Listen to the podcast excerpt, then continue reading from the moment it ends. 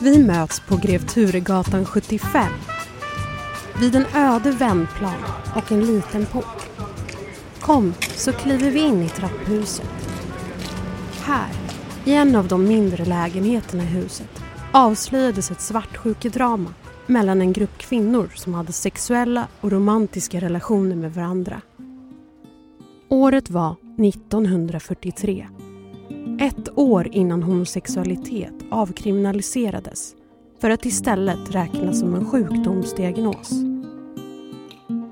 Fem kvinnor arresterades och dömdes för sina lesbiska handlingar enligt strafflagens kapitel 18 paragraf 10 om otukt som mot naturen är. Det är Sonja, Anna-Lisa, Margit, Gunvor och Eva som genom förundersökningen ger oss en liten inblick i hur det kan ha varit att leva som lesbisk på 1940-talet i Stockholm. Här kommer ett utdrag ur polisens förundersökning mot Margit Zacke. I polisens förundersökning nämns kvinnorna vid efternamn och det kan bli lite rörigt. Det är inte helt rätt att hålla koll på alla namn.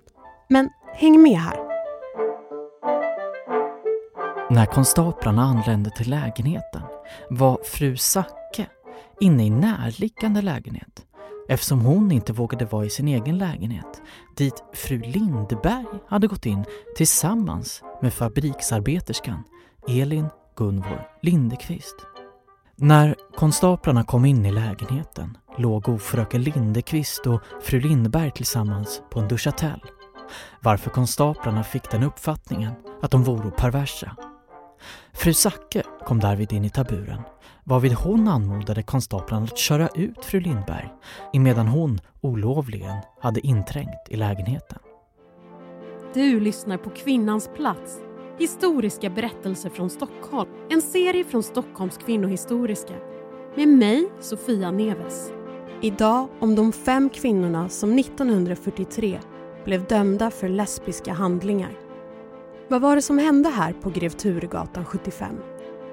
Vi träffar socionom, sexolog och författare Susanne Larsdotter. Sen hon fick höra talas om det här brottmålet har hon grävt vidare och fascinerats över förundersökningen som är den enda i sitt slag. Den enda där kvinnor med lesbiska relationer ställs inför rätta och åtalas. Nu skriver hon på en bok om det här.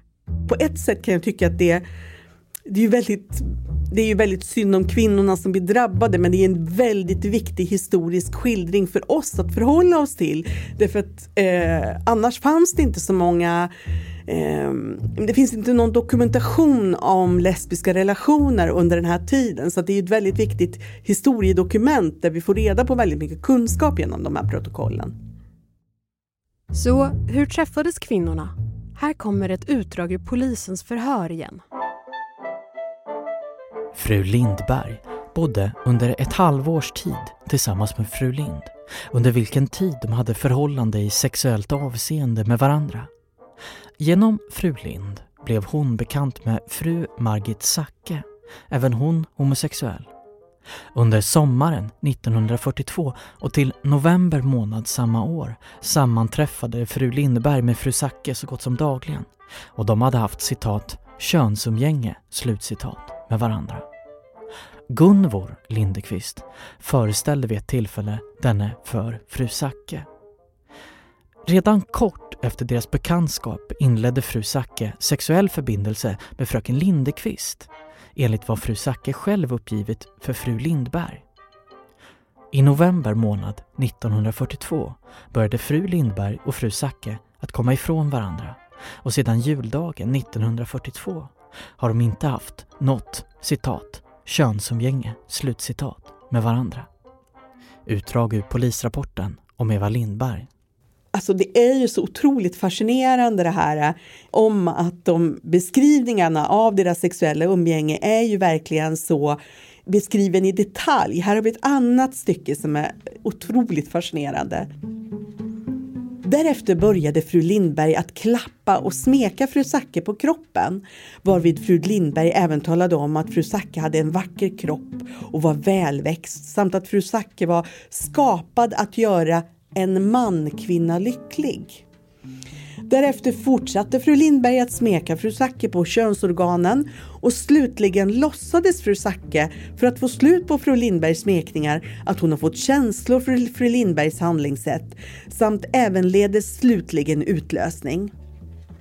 Häröver kände sig fru Lindberg nöjd och lycklig samt yttrade att fru Zacke var kvinnan för henne.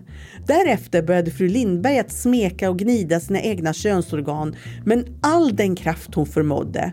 Och efter någon stund då fru Lindberg av sitt eget handlingssätt tydligen fick utlösning skrek hon högljutt som en slaktad gris under cirka 15 sekunder.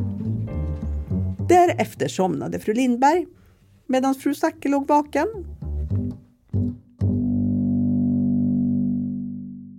Alltså, ja, det är ju helt klart, de har, de har ju begått de här handlingarna och det, det är ju framkom ju i förhören eh, att de har bekänt eh, de här handlingarna. Så att det gör ju att de, att de också döms i Stockholms tingsrätt för de här samkönade handlingarna. Brott emot vad naturen är. Och vad är det som händer här på Grev Turegatan? Ja, det är ju det som är så spännande, alltså för att det är ju så att polisen har då fått ett larm. Så att de åker ut till Grev Turegatan den 1 april 1943. Så är det då två konstaplar som åker hem till Margit Zacke som är boende där på Grev Turegatan. Och hon har då ringt polisen därför att det har kommit en kvinna som hon känner väl som heter Eva då, då eh, in i hennes lägenhet. Och hon känner sig hotad så att hon har gått till en granne och ringt till polisen. I det här förhöret så, så tar de väldigt mycket bakgrundsuppgifter, vem hon är och vem hennes föräldrar är och civilstånd och sådär. Men så frågar de ju också henne om det har pågått några perversa handlingar. Och det är då Eva berättar eh, om vilka hon har haft sex med och vilken relation hon har haft med den här Margit Zacke.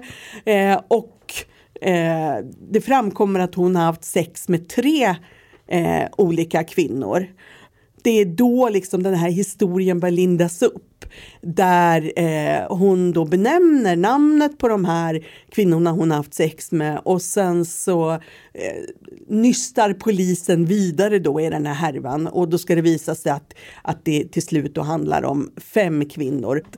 Eh, jag var tvungen att göra ett sånt här eh, liggschema som, som man kunde se i filmen L-word för att förstå vem har egentligen legat med vem. Does it work, this chart of yours? I mean, I've, I've never actually been on it. You've never been on our chart? What? Oh my god, it's so much fun. You don't know what you're missing. You Yeah, I gotta- know. It's like a social networking site. For lesbians. Yeah. Yeah. Do you have to sleep with someone first? well, I mean, when I first put it up, that was the core concept. Like, Right. you know, Jenny slept with Tina, who slept with Annie. Who Right. slept with Tina? No, I would never no, sleep with Tina.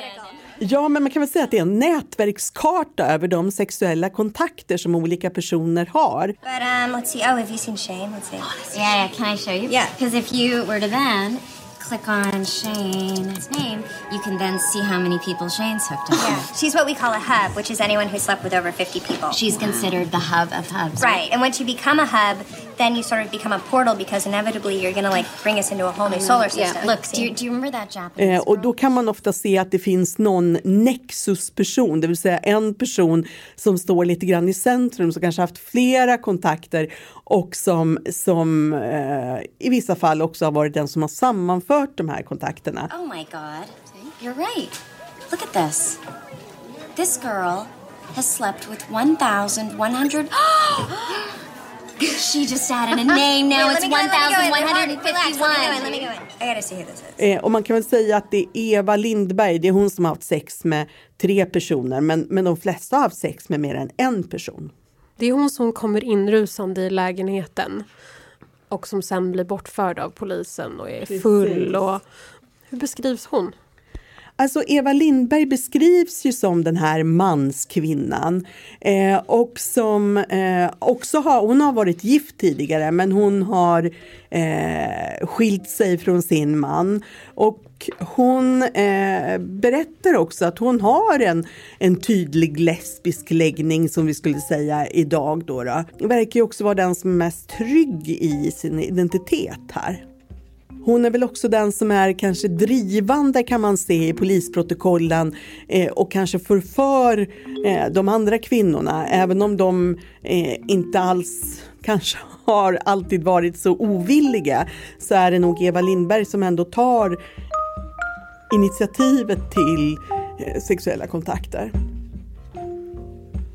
Det här var ju ett svartsjukedrama som utspelade sig eh, hos fru Zacke. Eh, därför att Eva Lindberg och fru Zacke hade ju haft en sexuell relation.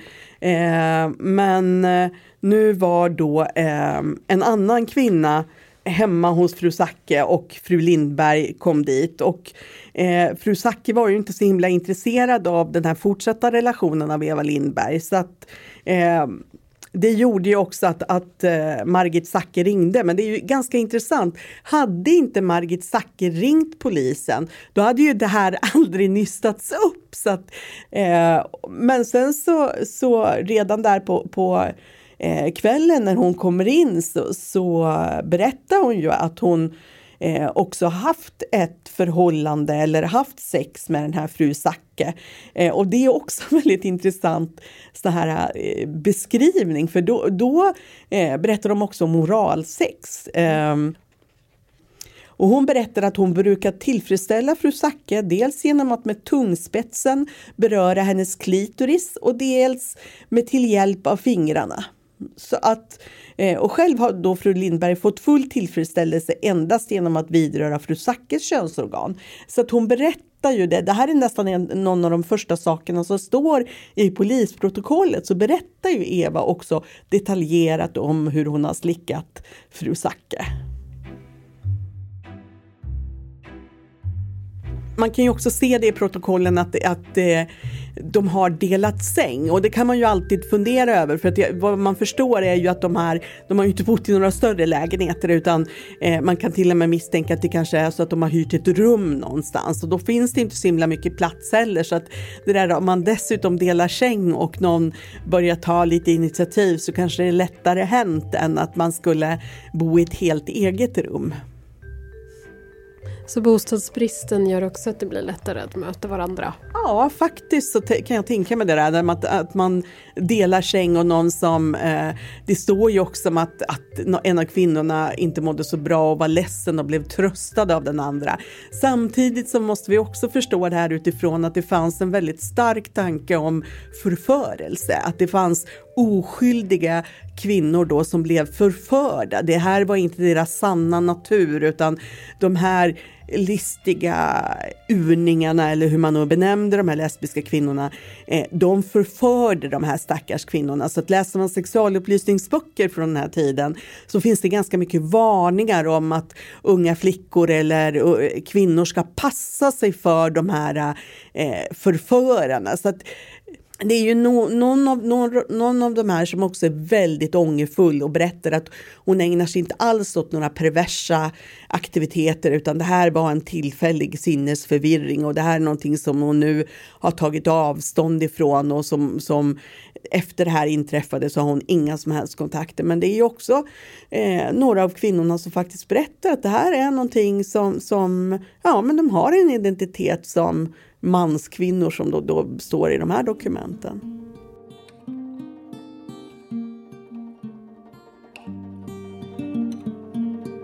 För att den tidens vetenskap såg ju också det här som någon slags biologisk grund till att de hade samkönade begär och det var allt från teorier om eh, vätskor, att man hade liksom en överproduktion av vissa vätskor och det var överproduktion från vissa körtlar. Då, då och att de här kvinnorna eh, liksom inte var riktiga kvinnor inom situationstecken utan de var någon slags manskvinnor. För det var begäret till kvinnor som på något sätt definierade dem som personer och det gör ju att, att vi tolkar ju alltid åt oss, oss själva i den kontext och den tillvaro vi lever i. Så att några av de här kvinnorna definierar sig också som själva som manskvinnor.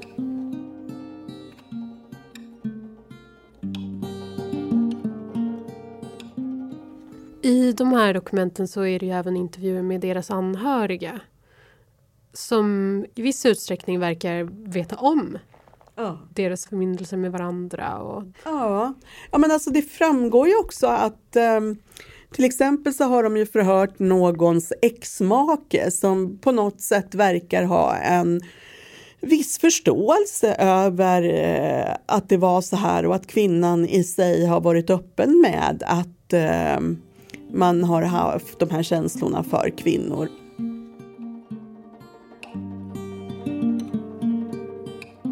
Eh, sen varierar det nog. Jag tror nog säkert att för no några av de här kvinnorna har varit en otroligt social katastrof och eh, man kan bara spekulera. Man vet ju inte, men det har säkert eh, blivit väldigt tufft för några av de här också i och med att de har fått den här domen på sig och blivit kända eh, utifrån det här. Men det finns också en viss öppenhet och jag kan tänka mig att en spekulation från min sida är ju att det kanske redan då var lätt lättare för kvinnor att ha sexuella kontakter med kvinnor därför att man just tänker på att det är så avsexualiserat. Det är en, ett väninneskap bara och det är ju också så kvinnor har benämnt varandra, att vi är väninnor och kvinnor har kunnat bo tillsammans som väninnor och alltihopa det här. Och därför tycker jag att det är en jättespännande crush liksom mot det här att här ligger de med varandra till höger och vänster liksom i den här härvan och de är väldigt sexuella och sen samtidigt så har vi bilden av de här oskyldiga kvinnorna som, som liksom, ja, men på sin höjd kan hålla varandra lite grann i handen och dricka en kopp te tillsammans. Så att det finns verkligen båda bilderna och det är det som också gör det här dokumentet så otroligt spännande. Därför att genom historien så har man ju också avsexualiserat kvinnor som har sex med kvinnor. Att man ser inte dem som kåta eller man ser inte dem som att man har riktigt sex liksom, utan det är någon smekning på sin höjd. Och det där är ju en bild som i allra högsta grad lever kvar idag också. Den här, och speciellt i jämförelse med män som har sex med män. De är promiskuösa och knullar runt i buskarna ute och liksom, men kvinnor som har sex med kvinnor, de sitter Eh, och dricker lite örtte och klappar varandra på kinden ungefär. Och det är ju därför det är så otroligt spännande med det här dokumentet. Här har vi kvinnor som verkligen knullar med varandra och de nöjer sig inte bara med en partner utan eh, de är tillsammans med varandra i lite olika konstellationer också. Så att det, de gör ju någonstans uppror mot den här bilden av asexuella kvinnan. Så att de här poliskonstaplarna fick ju en unik kunskap och insyn i de här kvinnornas sexualliv. visste de själva om att de begick ett brott? Ja, jag kan faktiskt jag kan inte svara på om de här kvinnorna visste om att det här var en kriminaliserad handling eller inte. De fick väl ganska snart reda på att det här var någonting olagligt i och med att de eh, blev inkallade på förhör. Men... Eh, ja, alltså... Ja, jag kan, jag kan bara spekulera i, i att liksom varför valde de då inte att kanske tona ner eller ljuga eller liksom bortförklara sig? Att, att man, varför berättade man i detalj? För det, det de gjorde var ju då att erkänna det brott de hade begått eh, genom att beskriva de här sexuella handlingarna så i detalj som gjordes. Eh, och så tänker jag också på, på den här kvinnan som, som faktiskt säger att ja, men nu håller hon inte på med några perversa handlingar.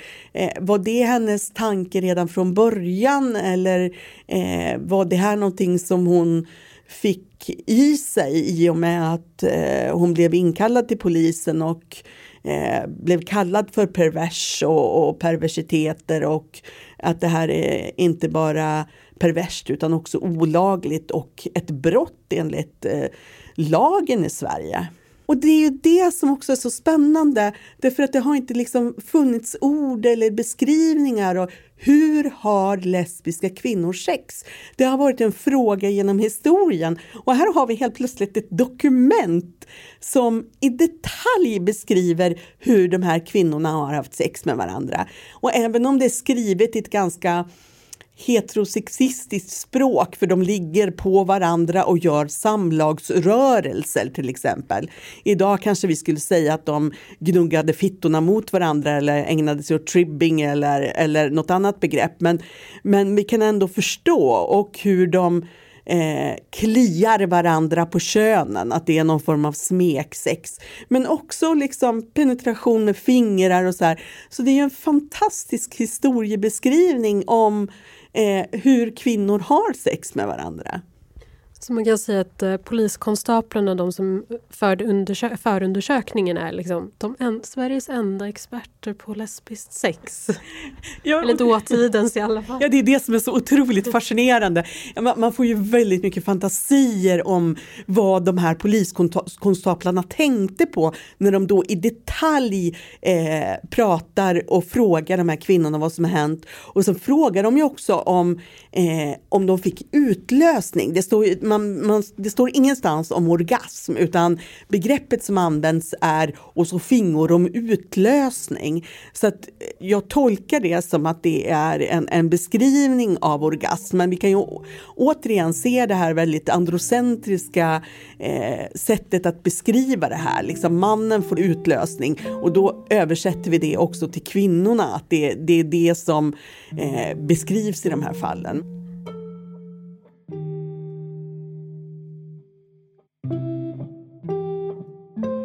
Vad fick de för straff? Alltså de fick ju straffarbete eh, villkorligt.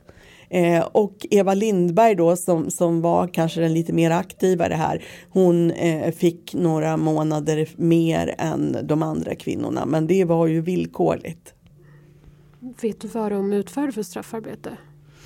Jag vet inte ens om de, om de eftersom de fick det här villkorligt, om de eh, blev satt titta på något straffarbete. Eh, och jag vet också att fru Zacke avled så att hon, eh, hon var väldigt sjuklig och eh, jag tror inte ens att hon närvarade vid rättegången utan eh, hon var väldigt sjuk och avled sen också. Nu var ju det här 1943 men bara året efter så avkriminaliseras ju homosexualitet för att istället räknas som en sjukdomsdiagnos.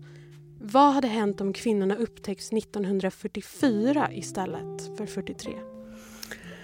Ja, då hade väl ingenting hänt så hade väl antagligen Eva Lindberg fortfarande kunnat ta sig in till polisstationen eftersom hon liksom olovligen trängt sig in i den här lägenheten. Men jag kan tänka mig att sen hade hon fått gått därifrån efter ett förhör och kanske hade man inte ens väckt åtal för det, det för att eh, de kände ju ändå varandra och sådär. Det vet vi ju inte. Man hade ju inte frågat om hennes sexliv och vem hon hade relationer med och om hon hade haft Eh, det hade kanske kommit som, som en anteckning att hon hade haft en, en eh, sexuell relation med fru Zacke. För att fortfarande 44 och framåt så var det ju fortfarande inte så att man inte tyckte det var perverst. Det var ju sjukdomsförklarat istället och sågs ju fortfarande som perversa handlingar. Men det var ju inte kriminellt. Man, man kunde ju inte liksom bli fälld för det och polisen hade ingen anledning att förhöra någon om det. Sen tyckte man väl fortfarande kanske inte att det var sunt eller, eller bra. Men det hade ju aldrig blivit någon offentlig handling av det här på det här sättet och vi hade inte heller haft den här väldigt fina kunskapen om eh, både beskrivningen av sexuella handlingar men också tolkningen av att man var en manskvinna, synen på kvinnlig sexualitet. Det är ju ett stycke arbetarhistoria, det är ett stycke kvinnohistoria så det är väldigt många olika delar i den här berättelsen som man också kan dra, dra trådar utifrån. Du har lyssnat på ett avsnitt av Kvinnans plats Historiska berättelser från Stockholm av Stockholms kvinnohistoriska. Vill du veta mer? Gå in på kvinnohistoriska.se. Kvinnans plats är producerat av mig, Sofia Neves och exekutiv producent Mohammed Elabe. Det här avsnittet är ett samarbete mellan Stadsmuseet i Stockholm och Stockholms kvinnohistoriska. Producerat av Soundtelling.